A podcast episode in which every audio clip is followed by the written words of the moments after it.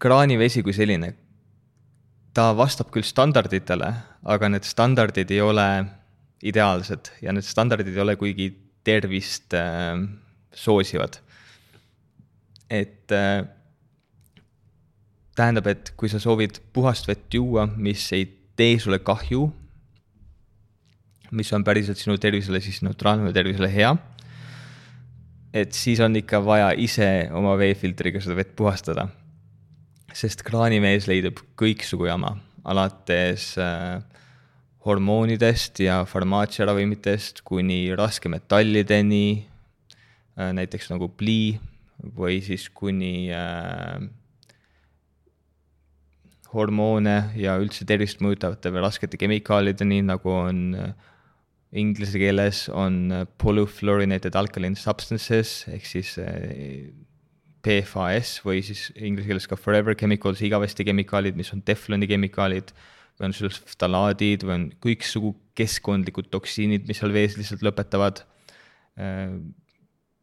petrooleumipõhised kemikaalid, sul on olemas seal viirused, bakterid, mikroorganismid, kõik muud asjad, mida sa ei taha juua ja sa võid mõelda, et ühes klaasis vees neid kuigi palju ei ole arvatavasti, aga kui mitu klaasi sa oled päevas, nädalas, kuus, aastas, elu jooksul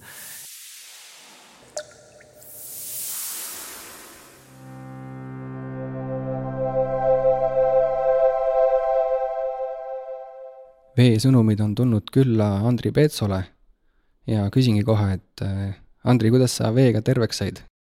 Veega terveks sain uh,? head nipiga küsimus. ma kujutan ette, et ma hakkasin uh, veel rohkem tähelepanu pöörama, kuna ma soovisin enda tervist parandada ja siis on üks ala, mida ma uurima hakkasin, et siiski, mida ma enda kehasse joon sisse, et kas seal on mingi imelikke asju või ei ole, äkki kuskilt midagi kuulsin selle kohta. ja mida rohkem ma lugesin, mida rohkem uurisin seda teemat, mida rohkem süvitsi läksin, siis ma saingi aru, et vesi ei ole lihtsalt vesi. ja et kogu see, kogu see temaatika on nii palju sügavam ja seda infot ja suundi, mida vaadata, uurida on nii palju, et ma kujutan ette, et need ma ei saa öelda, et ma olen pühendunud kaks aastat vee uurimisele, selles suhtes mööduvalt loen mingeid asju, on uudishimu selle, selle vee vastu kui sellise. Aga nende kahe aasta jooksul ma kujutan ette, et ma olen hakanud ainult seda pinnapealset natukene kraapima. et kas me räägime siis eh, lihtsalt vee puhtusest, kas me räägime vee neljandast seisundist, kas me räägime siis noh, Gerald Pollaki töödest või kas me räägime vesinikveest või deuteeriumist või kõik, kõik need, mis seal on, või üldse vesi kui eluandjast. et, et see on, ma arvan, et lihtsalt see mõt-, vastus su küsimusele, et ma raamistasin oma mõtlemise vee ümber ära ja nüüd mul on vee vastu nii palju tohutult rohkem austust, kui mul oli varem vee vastu. äkki siis äh, sellega niimoodi sain terveks mm. -hmm. Gerard Pollack äh, oli suurem teema, rääkisime tast päris palju teises saates. Äh, Pollakil on selline lause, et, et vesi on pealtnäha nii lihtne ja valdav osa inimesi siis näebki teda sellise lihtsana, et temast ei ole enam mitte midagi uurida ja teada ja ta on kuidagi iseenesestmõistetav. aga mis sa teada oled saanud uuringute käigus mul praegu kohe esimese asjana tuli meelde selline hästi huvitav ajalooline lugu, seik või seik, ütleme niimoodi.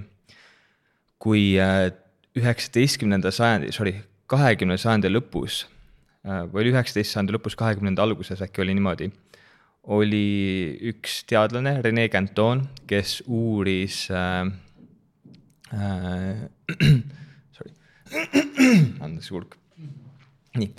Kes uuris äh, ookeanivett. Ja täpsemalt ta läks plank-, plankton blooms on inglise keeles selline ala, mis on lood-, hästi tugevalt looduskaitse all jälgitud alad, kuna need planktoni pluumid, ma ei tea, mis eestikeelne vaste on, aga plank-, pluum nagu planktoni siuksed äh, õitsemised. õitsemised, ütleme mm. jah. et äh, need on hästi suured alad kuskil Prantsuse mingi mm, kolooniate mandritelt väljas, hästi suured alad ja seal siis vist toodavad enamus äh, maailma hapnikust ja siis nad on kogu aeg pideva kaitse all ja kõik muud ja seal on vas-, vist on kõige puhtam ookeanivesi üldse hetkel maailmas. ja siis ta võttis sealt äh, seda vett, ta tegi mikrofiltratsiooni sellele ja siis on, selle nimi on nagu süvamerevee plasma.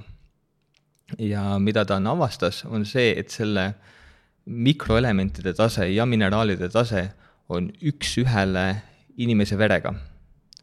ehk siis see loogika nüüd või see jutt seal taga niimoodi, et noh, ta võttis selle, filtreeris ära ja ta lõi sellest niisuguse nagu äh, ravimi, mille nimi mis nimetati tema järgi kintoon, mis ongi süvamerevee plasma niisugustes väikestes klaasampullides. ja siis see ravim oli äh, vist sada aastat oli äh, iga niisuguse nagu arsti äh, esimese sahtli ravim, mida anti inimestele niimoodi välja, et see lugu niimoodi käib.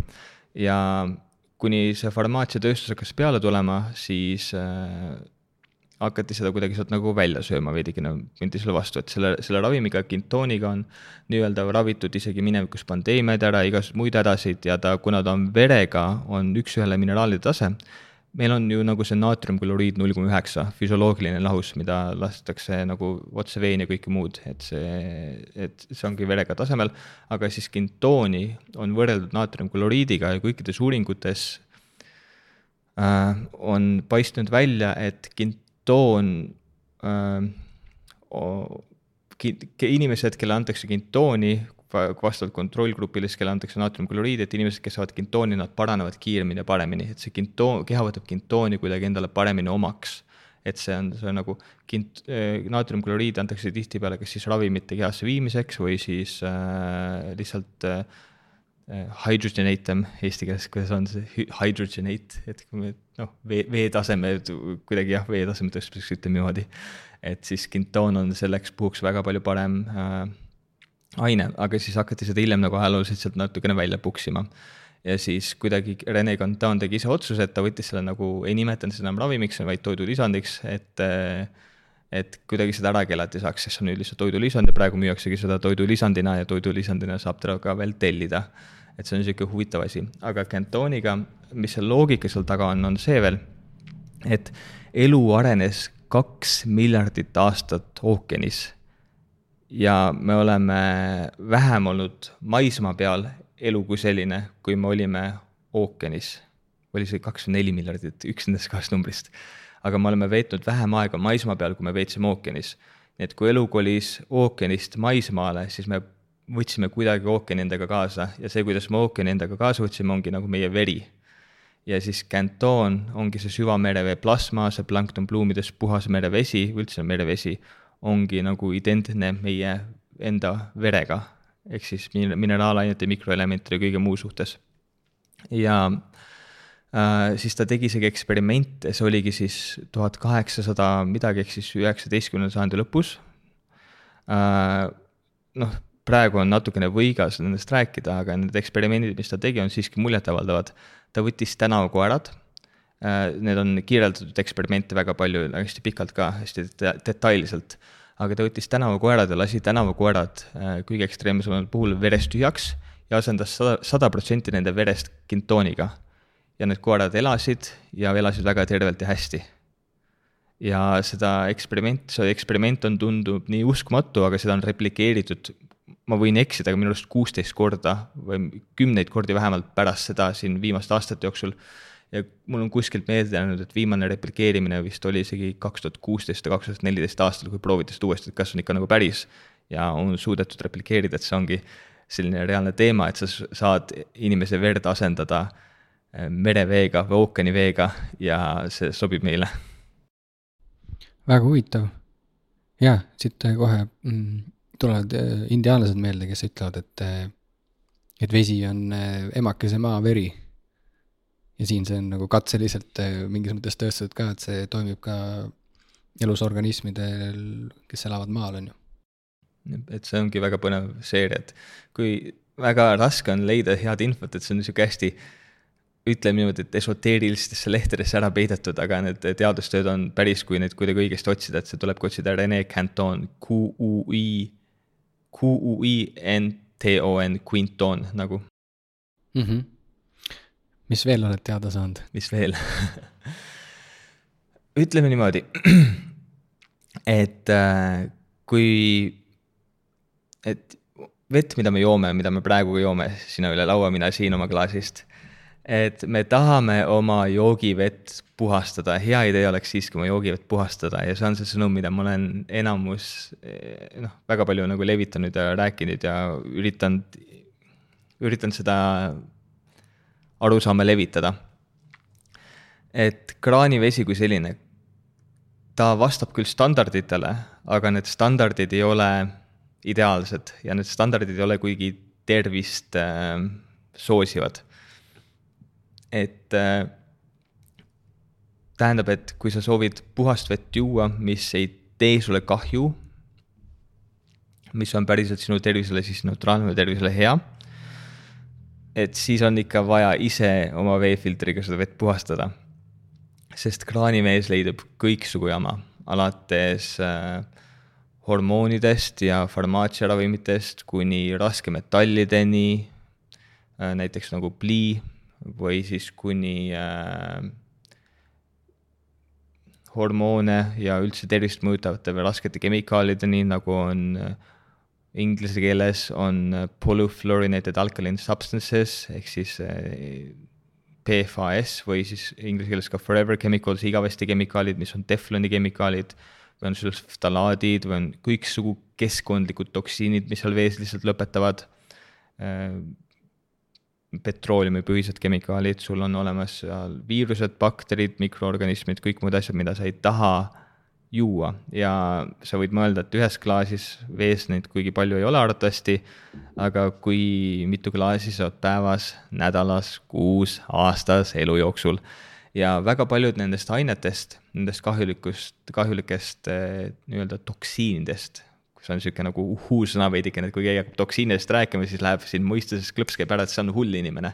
aga ei, toksiinid on päris asjad ja toksiinid on lihtsalt os-, nad on äh, substances, substantsid, eesti, vabandust, mu eesti keel on sellel teemal natukene puudulik, aga mis, mis kahjustavad sinu rakke ja tihtipeale nad jõuavad lõpuks su äh, kehasse, vereringesse, lähevad kasvõi immuunsüsteemist mööda mõned nendest ja tekitavad sulle kahju, mis kumuleerub.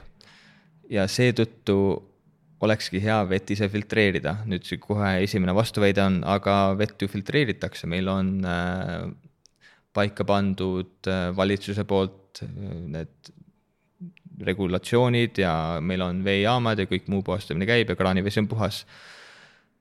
Noh, üks asi on need regulatsioonid, mida me juba korraks nagu, mis teemad me puutusime, et nad ei ole piisavad. Ja teine probleem ongi see, et äh, noh, regulatsioonidega seotud on see, et väga paljud nendest saasteainetest ei ole lihtsalt reguleeritud.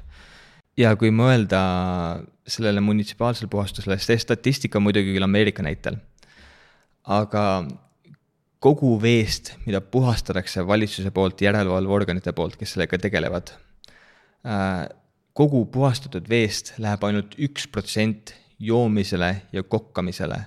ülejäänud üheksakümmend üheksa protsenti kulub kõige muu jaoks. Dušid, WC-d, basseinid, autode pesemine, aedade kastmine, golfi, golfi, suurte golfiväljakute kastmine äh,, lihtsalt lekked, see lihtsalt läheb kaduma, see on üheksakümmend üheksa protsenti, mis mujale läheb. ja kuna vee puhastamine on väga energia ja ressursikulukas siis lihtsalt puht majanduslikult ei ole otstarbekas vett täielikult ära puhastada niimoodi, et see oleks täiesti sobiv joomiseks ja söömiseks ja üldiselt need standardid, need keskmised, mis paika pannakse, ka kui me räägime isegi ka lihtsalt nagu vereproovidest ja kõigest muust üldse tervishoius, siis sa ei taha kunagi olla selle standardi keskel need on liikuvad märgid ja need ei ole, noh, seda on nii kole väita, aga kahjuks ei ole keskmine inimene kuigi tervislik ja kõik need muud keskmised, nad ei ole tervist soosivad, nad ei ole head tervist soosivad. et need, neid, mina isiklikult ei usalda neid standardeid ja kui keegi küsib mult, et kas peaks usaldama, mu vastus on, et mina ei usalda. Et, et, et, et sealt tulevadki need vahed, et kõige otstarbekam viis, kui sa soovid juua puhast vett, mis on, nagu me rääkisime, elu andja, elu alus, tervise alus, et siis kõige parem viis on seda vett ise puhastada omaenda kodus punktis, kus sa seda tarbid ja see on ka kõige otstarbekam puht majanduslikust vaatepilgust, et puhastada vett selle kasutuspunktis. ja selle jaoks on erinevaid meetodeid, aga kaks hetkel kõige paremat meetodit on pöördosmoos ja on destilleerimine. destilleerimist ma ise kunagi ei ole teinud, ma ei ole neid masinaid kasutanud, see tundub nii tülikas, nii et mina kasutan endal pöördosmoosi näiteks vee puhastamiseks. aga siin tekib tihtipeale vastuväide, et esimene vastuväide on, et kas pöördosmoosi vesi ei ole liiga puhas, et see tuleb sellest äh, natukene holistilisemast vaatepunktist, et kui vesi on liiga puhas, seal ei ole enam mineraale, seal ei ole häid asju enam sees et siis ta viib mineraalid kehast välja, tekitab kahju. no selle küsimuse vastuväite esimene pool on tõsi, jah, pöördosmoos teeb vee täiesti puhtaks, ta teeb vee nii-öelda nagu jutumärkides steriilseks. aga neid mikroelemente, mis on vees tähtsad, mis on tervise jaoks tähtsad, neid tegelikult enam, kuna nad on nii õrnad, siis nemad on juba eemaldatud ära munitsipaalse puhastuse protsessi käigus ja need mineraalid, mis vees alles on, need on nii väike kogus seal, et see sinu üldist mineraalide taset ei mõjuta. ja selle vastu ma tunnen tegelikult päriselt huvi, ma iga kord, kui keegi on mulle väitnud seda teemat, et liiga puhas vesi viib kehast mineraalid välja, ma, mind reaalselt huvitab see teema endiselt, aga ma ei ole suutnud ja keegi ei ole mulle saatnud kunagi ühtegi uuringut, mis päriselt sellele viitaks. on olemas blogiartiklid, on olemas arvamuslood, on olemas siuksed muud lihtsalt Instagrami postitused, asjad, aga mitte ühtegi teadustööd, mis sellele viitaks, ei ole nagu, ma ei ole seda leidnud, et mis näitab nüüd, et kui sa jood filtreeritud vett, et see viiks kuidagi mineraalid kehast välja. Liigne vee joomine viib mineraale kehast välja, see tähendab, et sa ei taha liiga palju vett niikuinii tarbida. et äh, see on see nagu inglise keeles jälle see sõna, et keeping hydrated, et äh, piisavalt vett juua, et et, et, et sa tahad ennast hydrated hoida pigem toiduga, oma dieediga, et su keha seda vett ilusti kinni hoiaks ja kõike välja viiks, et sa ei peaks liigselt vett jooma. kui sa jood liigselt vett, jah, liigne vee joomine viib mineraalid kehast välja, aga ma ei ole leidnud ise ühtegi ressurssi, mis suudaks nagu seda ära näidata, kuidas lihtsalt filtreeritud vee joomine mineraale kehast välja viiks, näiteks.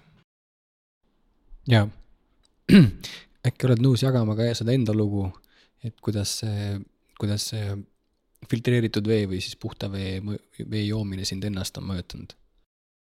Natukene on raske öelda, kas see oli see just puhta vee joomine, filtreeritud joo veemine, vee joomine, mis mind aitas. et äh, ma tegin igasuguseid asju, et oma tervist parandada ja lõppude lõpuks ma arvan, et see oli kõikide nende tegevuste koostöö, mis mind aitas, ehk siis äh, kaks tuhat viisteist aasta lõpus Äh, diagnoositi mul selline keeruline autoimmuunne haigus nimega skleroosis multiplex või siis eesti keeles hulgiskleroos.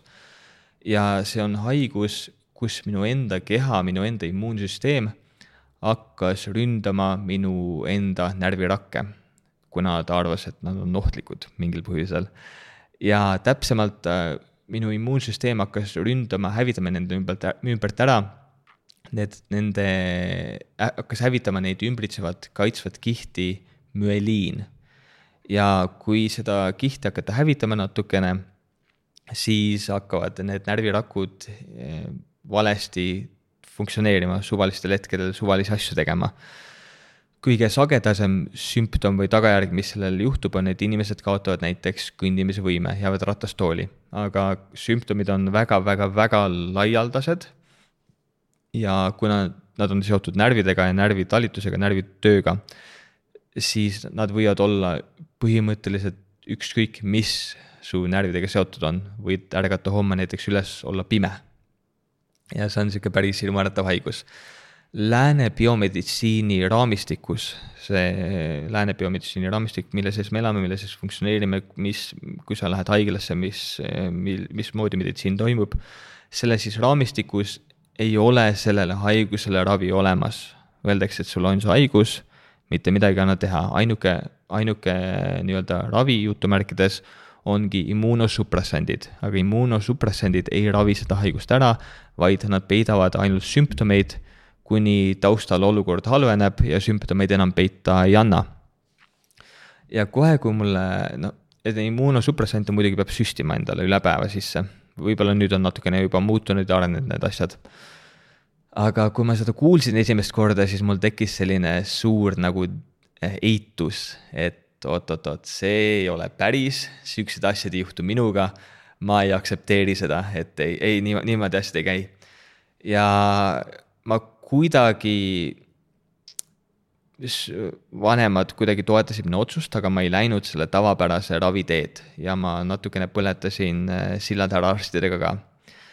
et ütlesin, ma ei võta ja kõik ja mis ma hakkasin tegema, oli, et ma hakkasin uurima ise, et okei okay,, mis see terviseteema on, et kuidas ma seda asja ära ravin.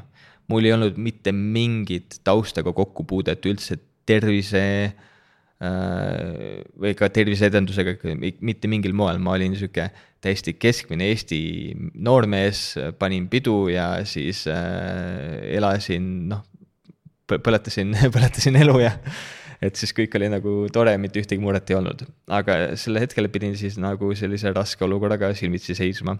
ja siis ma kuidagi oma iseloomule omaselt hakkasin uurima äärmustest tagasi, et okei okay,, kuidas ma nüüd seda asja parandan. ja alustasin äh, kõige illegaalsematest põrandaalustest, äh, vene ravidest, kus äh, hävitatakse terve immuunsüsteem ära, ehitatakse see uuesti üles. ja siis, kui ma hakkasin sealt äärmusest tagasi uurima siis üks hetk uurimise käigus taipasin, et mis siis, kui nagu ma tahaksin tervislik olla, peaksin ma lihtsalt tervislik olema. et mis siis, kui ma tahaksin terve olla, siis ma peaksin tervislikult elama.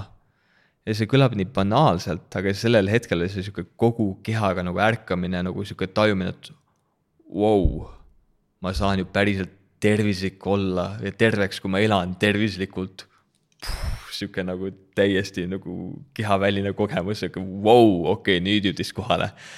ja siis ma hakkasin uurima, kuidas olla tervislik.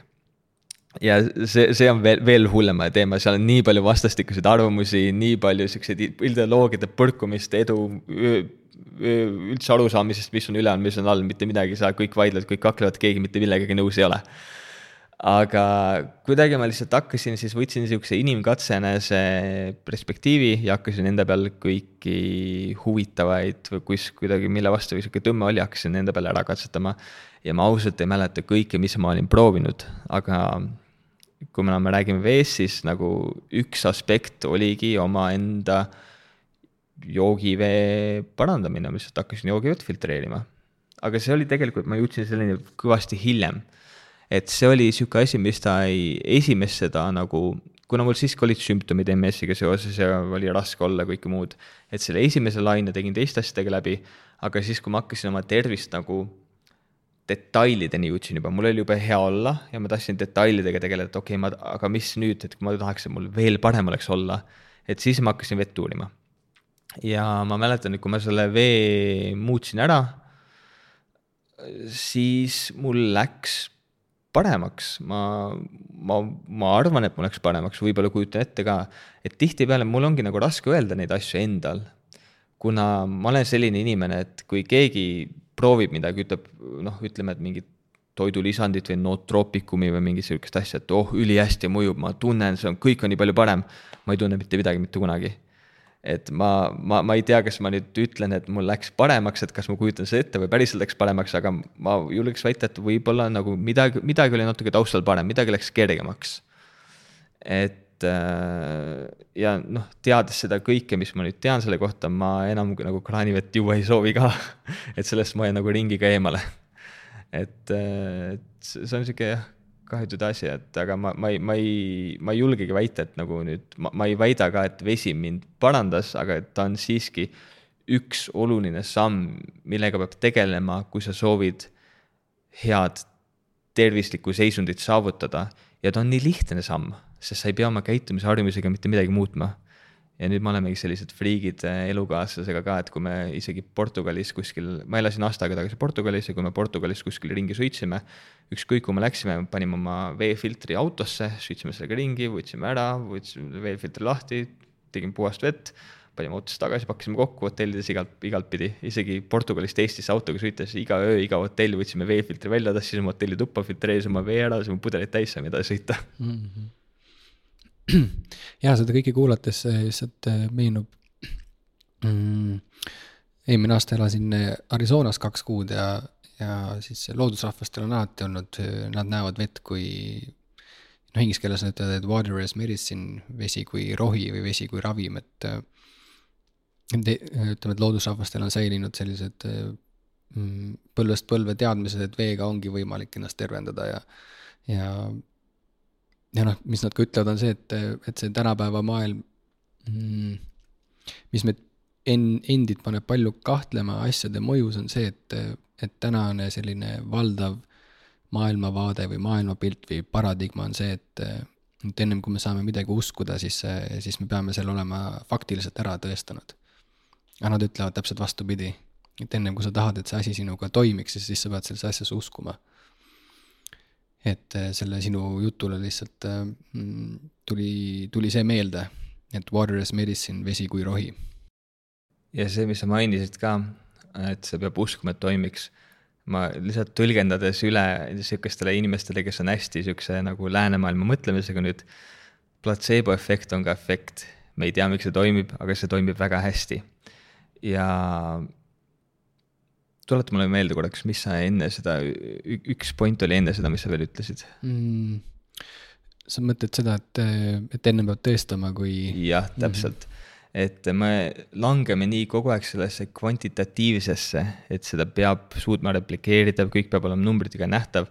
aga me unustame ära selle, et vaieldamatult on see kvalitatiivne on palju tähtsam aspekt, et kuidas ma ennast tunnen, kas see paneb mind hästi tundma mind ei huvita, mis numbrid need paberid on, paberil on, kas ma tunnen ennast paremini niimoodi seda tehes mm. -hmm. et see on minu arust palju olulisem aspekt ja õppida omaenda keha kuulama ja seda sisetunnet äh, nii-öelda omaenda keha intelligentsust usaldama nii-öelda. jah, üks hea ja lühike lause, mis ka selle mm, alal oleva või selle maailmavaate või maailmapildi kokku võtab on see, et, et kui ei saa mõõta, siis järelikult pole olemas jah, mis on sihuke väga, kuidas öelda, kitsa, kitsa silmaringiga kuidagi. jah, kuidagi pool elu nagu lükkad selle lihtsalt kõrvale. täpselt. ja noh, kui sa ette kujutad ka, kui palju asju me ei suutnud kunagi mõõta, mida me nüüd suudame mõõta. et see on natukene sihuke nagu, inglise keeles on ka selle kohta jälle hea sõna, mul eesti keeles sõnavarad nagu ta on, on hubris et see on see, et me arvame, et me oleme nii targad, me arvame, me oleme nii head, meil on kõik välja mõeldud. ja siis, aga noh, mingi hetk loodus tuleb ikka ja jälle paneb sulle siukse korraliku mataka ja siis sa tead, et tegelikult vist ikka ei ole ikka kõik asjad välja mõeldud. jah. siin saate alguses kõlas ka Gerard Pollaki nimi. et mis sulle Pollakist meelde on jäänud hmm.? Pollakis ma lugesin läbi tema selle Fourth State of Water, vist ongi selle raamatu nimi ka, kui ma ei, ei eksi ja mulle väga meeldisid tema need äh, kõik need eksperimendid, mis ta seal kirjeldas ja Pollakiga lihtsalt kõige tugevamalt resoneerus ka see, et kui äh,, kui väga siiamaani arvatakse, et ta on siukses noh, põhilises teadusringis, et see tüüp on täielik napakas ja mõtleb asju välja. aga kuigi need äh, tema eksperimendid ja katsed räägivad enda eest ja siis minnaksegi pigem nagu selle inimese kallale inimese järgi nokkima nagu ad hominem, et lihtsalt, mis temal kõik viga on, mitte ei räägita eksperimentidest ega töödest asjadest endast. et ah, see vend on napakas, see, see ei tea üldse, mida ta räägib või mida ta teeb. et äh, ma, mulle kahjuks nagu, kuna ma lugesin seda raamatut vist kaks-kolm aastat tagasi, mul ei ole nii palju meeles, kui olla võiks aga lihtsalt kogu see emots-, see on see emotsioon, mis mul on nagu tema nimega seotud juurde andnud, et see tüüp julges teha, julges uurida ja julges teha seda tõelist teadust, mis mulle meeldib ka, millest on Sheldrake rääkinud. et see on see the science delusion. et, et, et, et me oleme selles oma nii ütleme, et judokristlikkus äh, lääne maailmavaates kinni ja kui me teeme teadust, me teeme ainult teadust, mis mahub meie praegusse olemasolevasse maailmavaatesse, aga see ei ole see päris teadus, et me ei saa sundida seda oma maailmavaatesse sisse või me ei saa nagu sihukest, nagu see on see valimi kallutatus juba selles suhtes, et kas see, kas see mahub meie maailmavaatesse või mitte.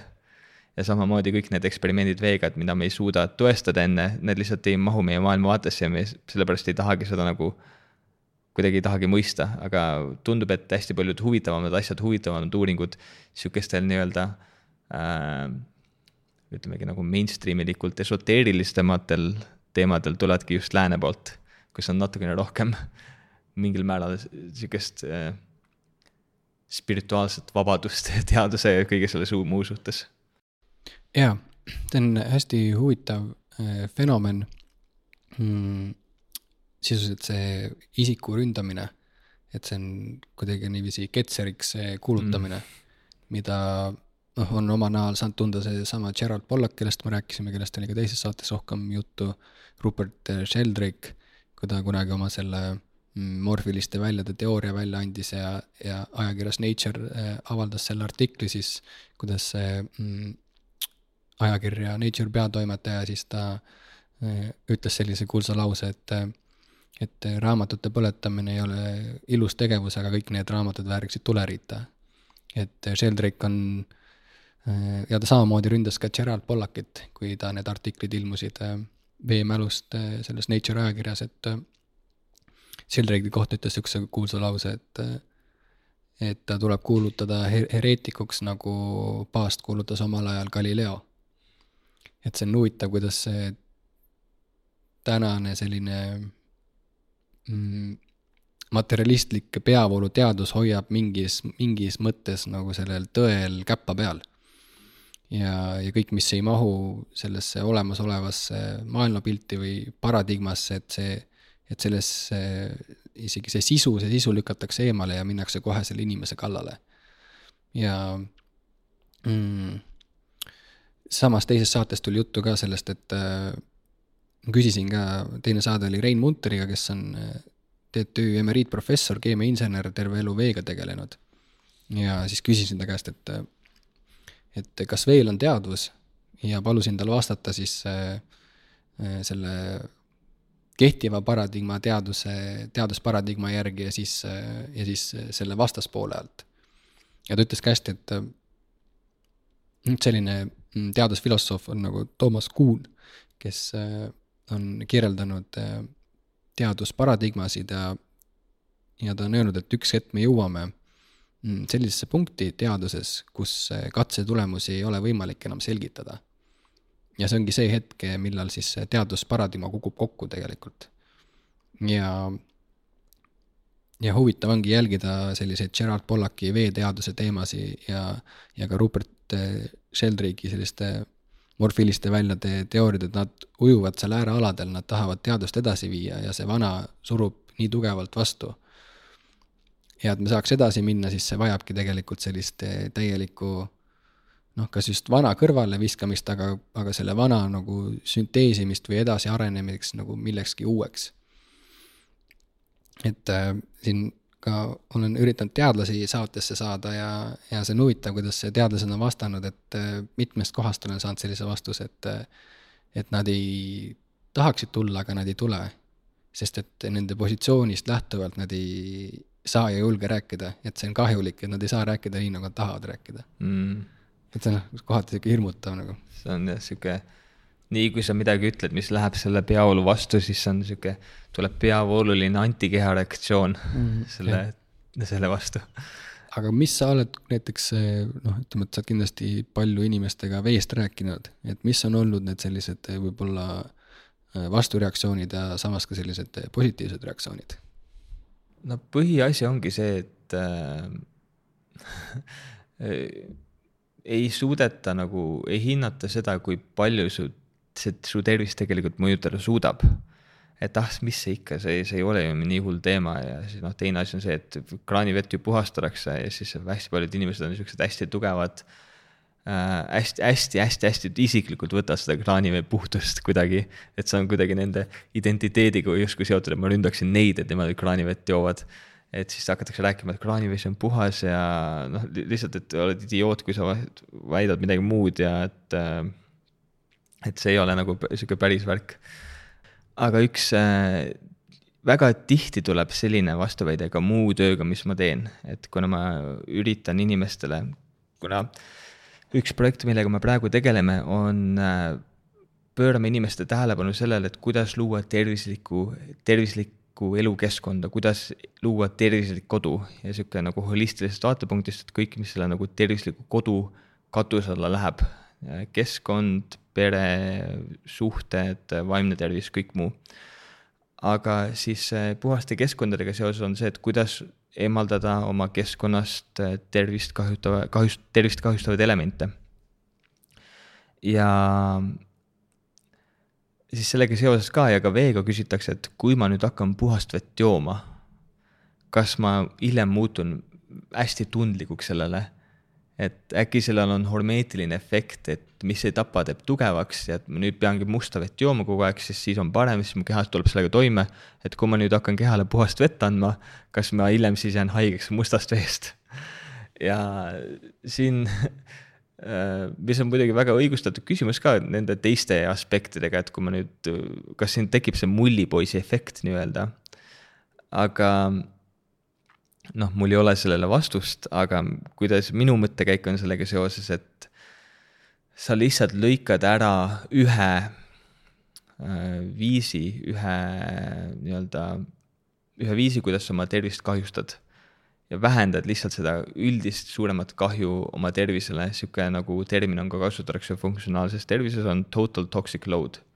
ja see lihtsalt vähendas seda, vähendad kahju, kahjulikke tegureid ja see ei saa mitte kuidagi halb olla, et sellised hormeetilised äh,, isegi mitte hormeetilised, vaid nagu evolutsioonilised adapti-, evolutsioonilised adaptatsioonid ei teki nii kiiresti, et me oleme nüüd arenenud kahju, musta vett jooma, kui me hakkame puhast vett jooma või et areneme ümber sellele, et need asjad ei juhtu nii väiksel skaalal.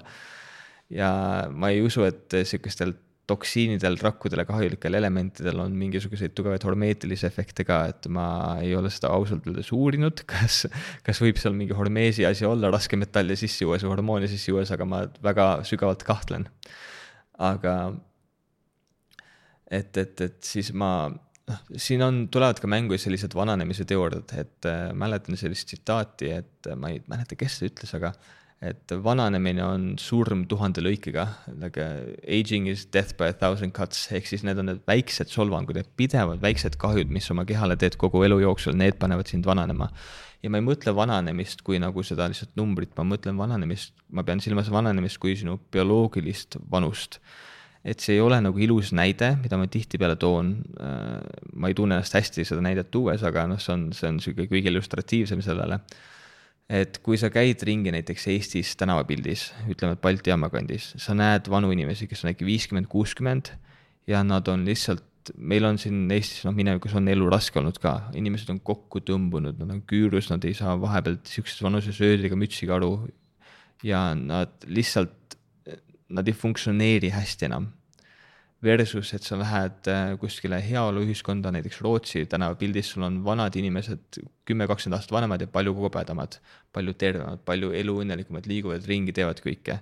et see ongi see, et kui lihtsalt vananemine ongi, et see, kui palju kahju sa oled oma tervise jooksul kokku kumuleerunud, kui palju kahju on sinu kehale sinu elu jooksul kokku kumuleerunud ja lihtsalt, et see vee, puhta vee joomine ongi see üks väike pidev kahju tähendab, noh, puhast vett juues sa saadki hoida ära seda ühte väikest pidevat kahju, mis sa teeksid, kui sa jooksid lihtsalt musta vett. et sa väldid selle kahju kogunemist ja need elemendid, mis seal vees on, mis kraanivees leidub, äh, milles, millest ma rääkisin, need tefloni kemikaalid, kõik muud asjad, äh, östrogeensed hormo-, noh, östrogeen, hästi tugevad östrogeensed asjad ja siis äh, muud hormoonid ja raskemetallid, need lihtsalt tekitavad seda kahju ja paljusid nendest ainetest nagu plii või siis nagu ka need polyfluorinated alkaline substances äh,. su keha ei suuda neid detoksida, su maks ei saa nendega hakkama. ja need lihtsalt ongi kahju, mis su kehale tekib ja see kumuleerub. et siis pigem ikka, pigem ikka soovitan seda vett puhastada ja puhast vett eelistada juua.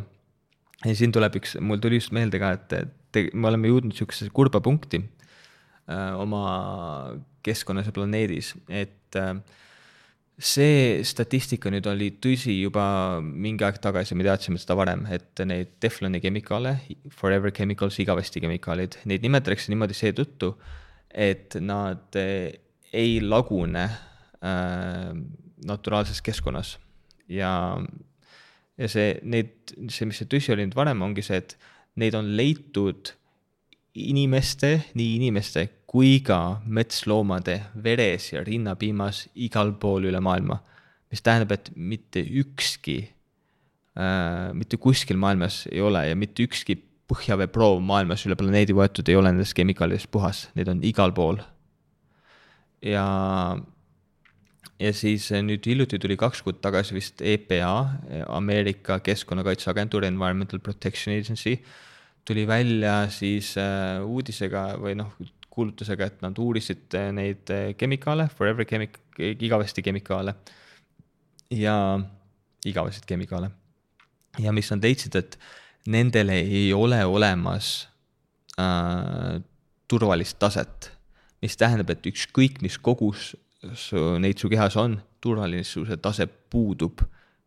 Juba nagu üks mikrogramm on juba liiga palju kahjulik põhimõtteliselt niimoodi või mingi hästi väike number seal oli, mis on nagu jaburalt väike number ja mis on veel kurvem, äh, mis nüüd on ka suht hiljutine leid, ongi, et äh, neid samu kemikaale on nüüd tuvastatud. Äh, noh, ma ei saa öelda, et need on tuvastatud, neid ei, mitte kuskil üle maa, üle planeedi vihmavees ei ole neid kemikaale selles suhtes, et need on igal pool vihmavees ja mitte ühtegi vihmavee proovi, mis võetu, võeti, mitte üheski nagu ei suudetud neid nagu mitte tuvastada, neid tuvastati igal pool. mitte ükski koht ei ole nende poolt saastatud.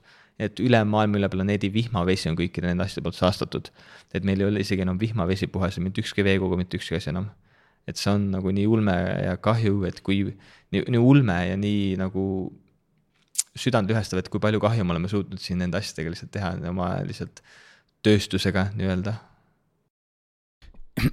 jaa, äh, seesama vihmaveeproovide mm, uudis või teadusartikkel jooksis mu infoväljast ka läbi ja mm, mis mul selle kõige peale mõttesse tulebki, ongi see, et mm, loodusrahvad, et nad alati räägivad sellest äh, pikast vaatest.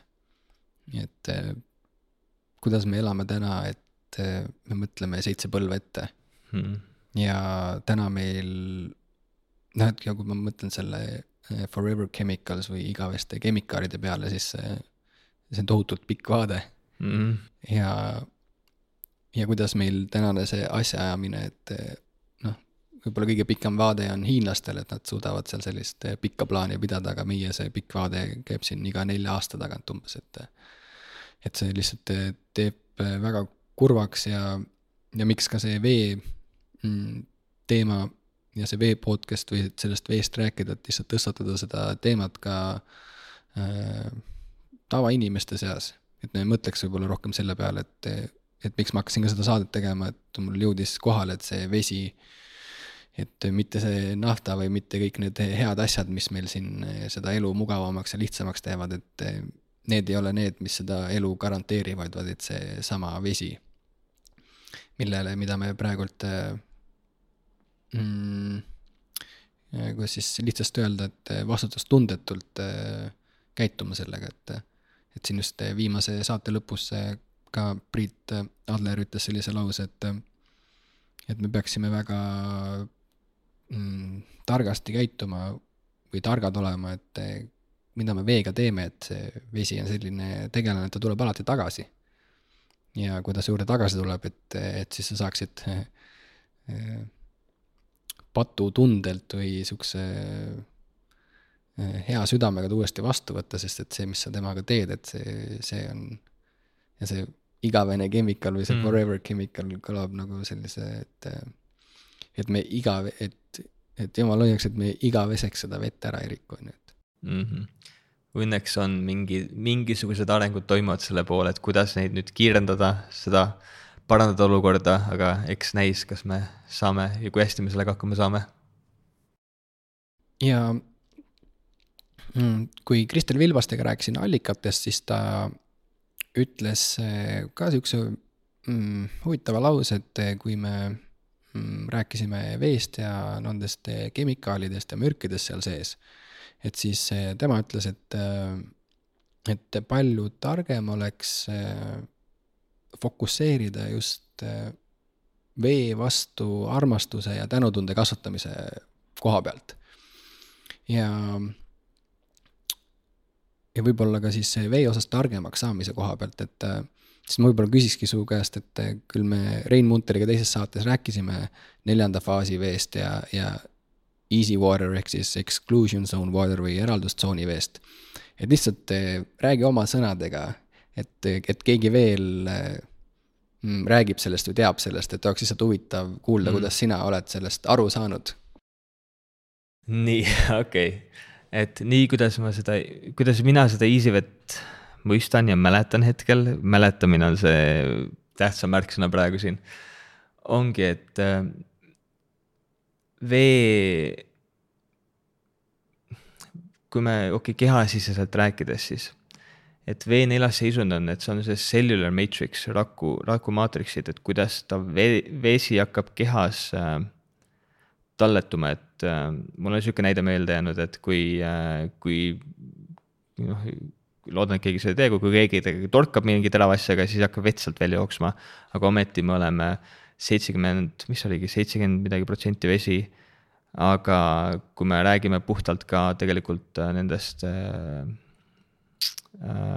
molekulide arvust, aatomite arvust, aatomite molekulid, mul on natuke keemia sassis enda, ma ei ole keemik, siis nagu need vesiniku Äh, siis vesinik konkreetselt selle elemendina on kehas vist üheksakümmend kaheksa protsenti, kuna sul hästi paljud teised asjad on teised äh, sellised molekulid on satureeritud vesinikuga, kõik muud, ma arvatavasti keemikud vihkavad mind praegu selle seletuse pärast, aga arvuliselt on vist meid üheksakümmend kaheksa protsenti vesinikust, vesinik. see on sihuke huvitav fakt. Et siis, kui kedagi torkab millegagi, siis ei hakka nagu vett välja jooksma, vaid siiski veri ja muud asjad, aga meil on igal pool vett on seal rakkude sees. mis tähendabki, et vesi on rakkude sees mingil teisel kujul talletatud, et ta ei ole nagu selle, ta ei ole gaas, ta ei ole lihtsalt Eh, tavalise veena ta ei ole jäätunud, ta on viskoosne kuju vee nagu nii-öelda vist ongi nagu rakku kuidagi maatriksi kujul. natukene ma siin võin nagu täiesti eksida mingite asjadega. aga et siis see, kuidas me siis, see, see ongi see vorm, kuidas me kehas seda vett talletame, kuidas kehas seda vett hoiab ja siis ta, ta toimib teistmoodi kui need teised kolm vormi, mis ta olla saavad.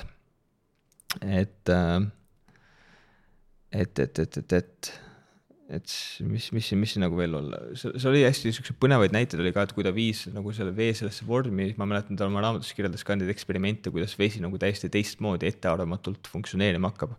veesillad, mis ta rääkis mis ta suutis elektriga luua ja ja siis äh, need, just see keemisefekt, et kui vesi nagu keema hakkab, siis kust need nagu mullid asjad tulevad ja miks need on ja kuidas nad toimivad täpselt ja ja miks ta niimoodi muljutama hakkab ja gaaside vahetus ja kõik asjad, et see, see tundus nagu väga põnev, aga mul lihtsalt nagu mul, ma ei ole, ei ole värskendanud seda EZ teadmist. aga seal on ka kindlasti hästi tugev seos oli ka tal kuidagi sellel vee struktureerimisega, et kuidas siis läbi vortexi, kui vee keeri sisse lasta, et siis kuidas need molekulid, nagu veemolekulid korra pärastusid ja siis kuidagi see seal oli ka mingi seos selle EZ exclusion zone'iga. see vist ongi see, et kui veemolekud korra pärastuvad pärast vortexit, et siis ta nagu lükkabki nagu need kuidagi mingid asjad välja, et ma mäletan, et vortex ka nagu ehk siis struktureerimine on ka üks võimalik puhastusmeetod, kuidas ta heidab mingeid asju nagu sihuke naturaalne pöördosmoosi efekt nii-öelda, kus ta lükkabki neid saasteaineid lihtsalt välja. et ma mäletan, mingi sihuke seos oli ka sellisega lausa mm. -hmm. et äkki oskad lisada siin? jaa, ma mõtlengi, et kuidagi oma lausetega hästi lihtsasti, kuidas ma olen aru saanud, et äh, noh, täpselt see, mis sa rääkisid, et veel on äh, kolm faasi, mida me kõik äh, siis koolipingis tunneme, et vedel, gaasiline ja tahke. ja, ja Gerard Pollak räägib siis neljanda faasi veest. ja mm, kui me kõik siis koolipingis teame, et vesi on H2O et siis ma nüüd selle arvuga seal mööda panna, aga ta ütles, et ta, et see neljanda faasi vesi on H3O4 vist, kui ma ei eksi. võib-olla selle numbriga läheb mööda igal juhul, et ta ei ole see klassikaline mm. Mm, vesi, nagu me teda teame.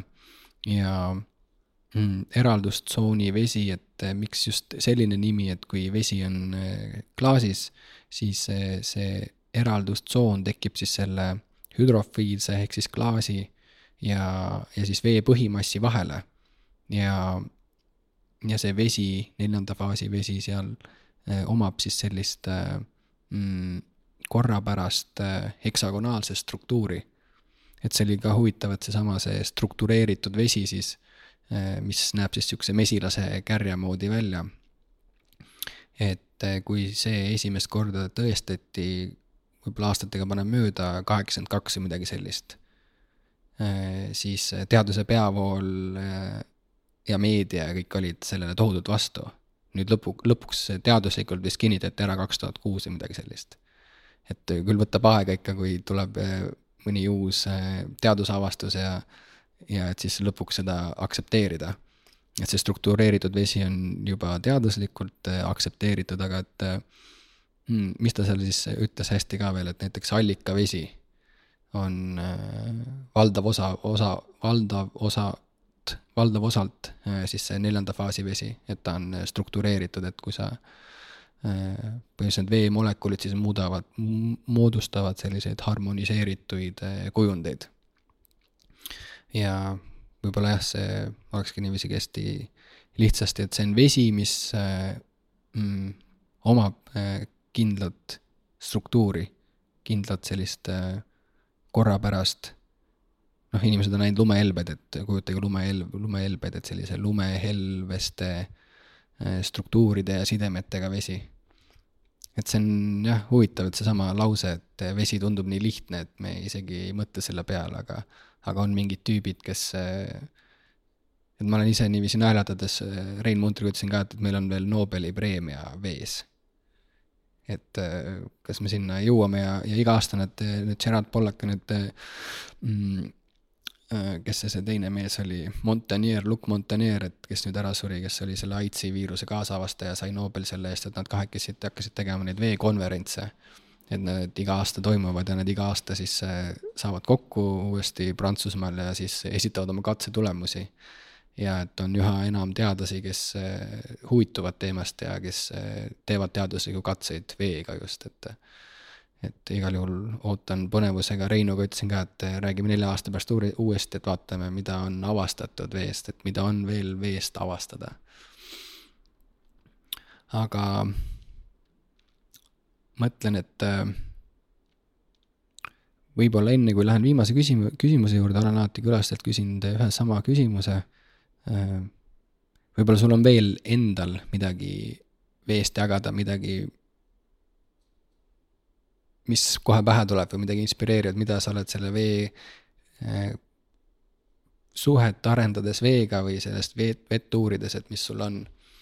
ma, ma pööran selle küsimuse natukene ringi ka, aga mis mulle pähe kargas, mida ma siin vahepeal mõtlesin, ongi äh, kui sa, kas sa oled teinud sellega või mitte, aga siis oleks see palve ka minu poolt, et äkki uuri seda teemat, kuna mul lihtsalt ei ole see mälu värske sellel kohal, ma olen seda uurinud ise, aga ma, ma ei ole piisavalt pädev, et sellest rääkida, ongi vähendatud deuteeriumi sisaldusega vesi.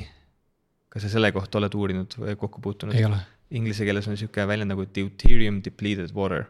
Ja see on niisugune juba aatomi tasemel meditsiin, mida sellega tehakse ja kuidas sellega vähki ravitakse ja kuidas sellega nagu raku struktuuri muudetakse et seal on tegelikult väga palju teadust äh, juba taga ja seda on niisugune teaduslikult väga põnev aktsepteeritud teema. et see on kindlasti midagi, mida uurida ja siis äh, väga põnev on ka, kuidas deuteeriumit, äh, kuidas deuteerimist vett vähendada, et ma võin sellest natuke rääkida. et deuterium depleted water on siis sul on H2O, mis on vesinik, aga sul on ka D2O, mis on deuteerium. ja kuidas deuteeriumit nagu deuterium depleted water, ta nimi on kerge vesi, deuteriumiga vesi on raske vesi. ja kui oli siin äh,, ma täpselt nüüd perioodi ei mäleta, aga siis, kui äh, toodeti hästi palju äh, neid tuuma, kas tuumaenergiat või tuumalõhkekehasid. et minu arust vist Venemaal oligi, et kui tuumarelvi toodeti, siis oli vaja selle kuidagi isotoobi transpordiks oli vaja rasket vett luua. et siis nad tehti siukseid hästi-hästi-hästi suured tehased, minu arust mingi nel-, kolme, nelja, viie, kuuekümne meetri kõrguseid asju, mingi suuri megatehaseid vaja, maailmas on vist kaks-kolm tehast olemas alles, kes suudavad seda toota. aga toodeti nagu äh, deuteeriumit, deuteeriumiga vett ehk rasket vett, et see on isotoobi transpordiks vajalik ja siis visati kogu aeg seda nagu kerget vett, see jääk, jääkprodukt visati ära, aga üks hetk teadlased hakkasid mõtlema, et okei okay,, aga mille jaoks see kergevesi juhitav hea on ja hakati uurima ja avastatigi, et see on väga-väga-väga tugevalt tervist edendav. ja siis hakati selle kohta ka uurima, jälgima, et noh, deuteeriumi tasemeid mõõtma, et siis kui, kus kohas on naturaalselt väiksemad tasemed ja siis noh, sellega annab ka võimalik teha nagu, nagu kes teab, carbon dating, et kui me tahame mingit sihukest nagu süsiniku järgi äh, perioodi määrata, et ajalooliselt vaadata, kui vana mingi asi on, siis carbon dating või süsiniku järgi määramine on mingi teatud punktini kasulik aga kui tahta veel vanemaid asju teada, siis tehakse deuteerium dating ut ehk mõõdetakse deuteeriumi tasemeid asjades. üldse, kus, kus seda vaja mõõta on. Ja siis tuleb välja, et vist plane-, terves planeedi peal on äh, miljonite aastate jooksul on stabiilselt kogu aeg deuteeriumi tase tõusnud ja tõuseb siiamaani ja kuidagi mingi tööstuslike arengute asjadega ka, et siis kuidas teute-, naturaalset deuteeriumit, vaba vett on kuskilt äh, mingi vanadest jäämassidest, kus sulab ära, on veel võimalik saada ja mägistikest asjadest. aga kui siis hakatigi uurima seda nagu kerget vett, deuteeriumi vaba vett, siis ta kuidagi on väga peen väga, väga, väga peentasemel, nagu ma ütlesin, ka aatomi tasemel meditsiin, kuidas suudetakse nagu rakke parandada ja kogu selle raku kuju ja moodustist muuta seal, et keha hakkaks ennast ise parandama ja mingid protsessid käima lükkaks. ja see on kõik hästi põnev. Ja seal on siis konkreetselt väga-väga prestiižsed vähiuurijad juba tegelevad sellega, suured kliinikud, asjad. Et see on sihuke hästi-hästi-hästi põnev teema, et nii, nii palju mul on meeles siuksed paar üksikut sihukest laiali huvitavat fakti selle kohta jaa, väga huvitav niidiots, vaatan kindlasti. viimane küsimus. kui veel oleks meile midagi öelda, siis mida ta ütleks